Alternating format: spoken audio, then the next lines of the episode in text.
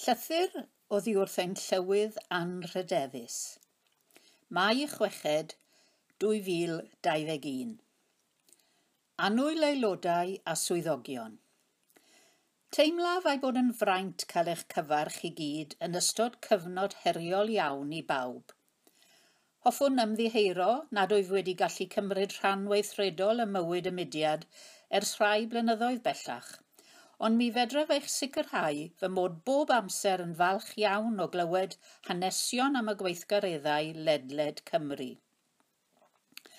Hoffwn estyn fy nghydymdeimlad cywiraf at y rhai ohonoch sydd wedi colli anwyliaid dros y cyfnod anodd diweddar.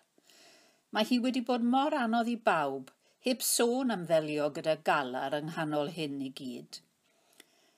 O ran y Covid, Gobeithio ein bod mewn gwell sefyllfa a bod diwedd ar yr holl gyfyngiadau o fewn golwg.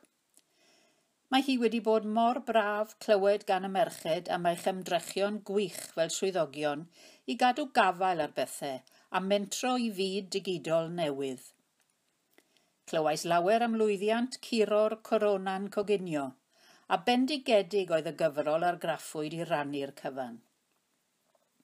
Gyda hynny o eiriau, hoffwn ddymuno'r gorau i Meirwen ein llywydd a Tegwen ein trefnydd cenedlaethol a phob swyddog ac aelod ar draws Cymru wrth i chi gael dechrau cyfarfod eto.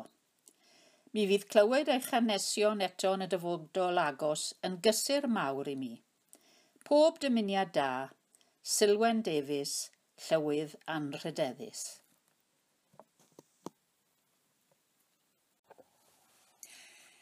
Gwen Emyr yn ymweld â Sylwen Lloyd Davies.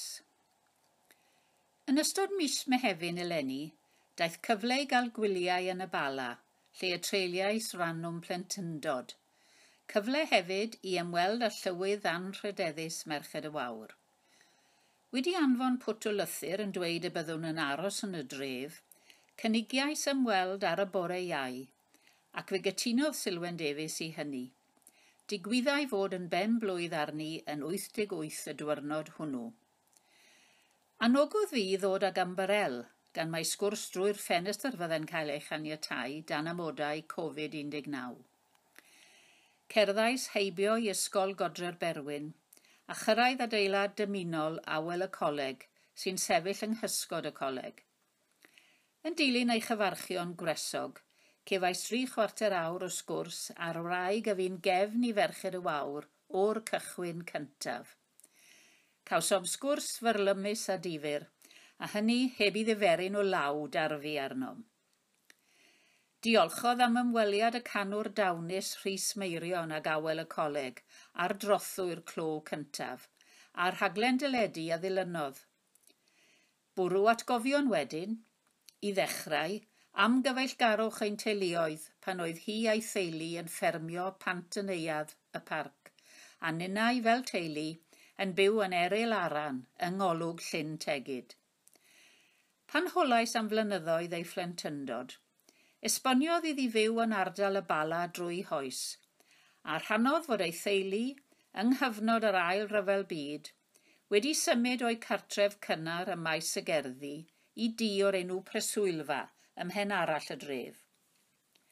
Yn ystod ein sgwrs, sylwais ar lun mawr o'i theulu estynedig, sy'n cynnwys yr wyth o blant a'r tri ar hugain o wyrion a gafodd hi a'i diweddar briod Bryn Davies. Wrth i'n sgwrs ddirwyn i ben, rhyfeddau ein llywydd hanrydeddus fod y fintau fechan oedd yn cwrdd yng nghangen y parc wedi tyfu i'r fath raddau, a hynny drwy waith tîm mynegodd ei dymuniadau gorau i Ferched y Wawr ac meddai pob llwyddiant i'r dyfodol.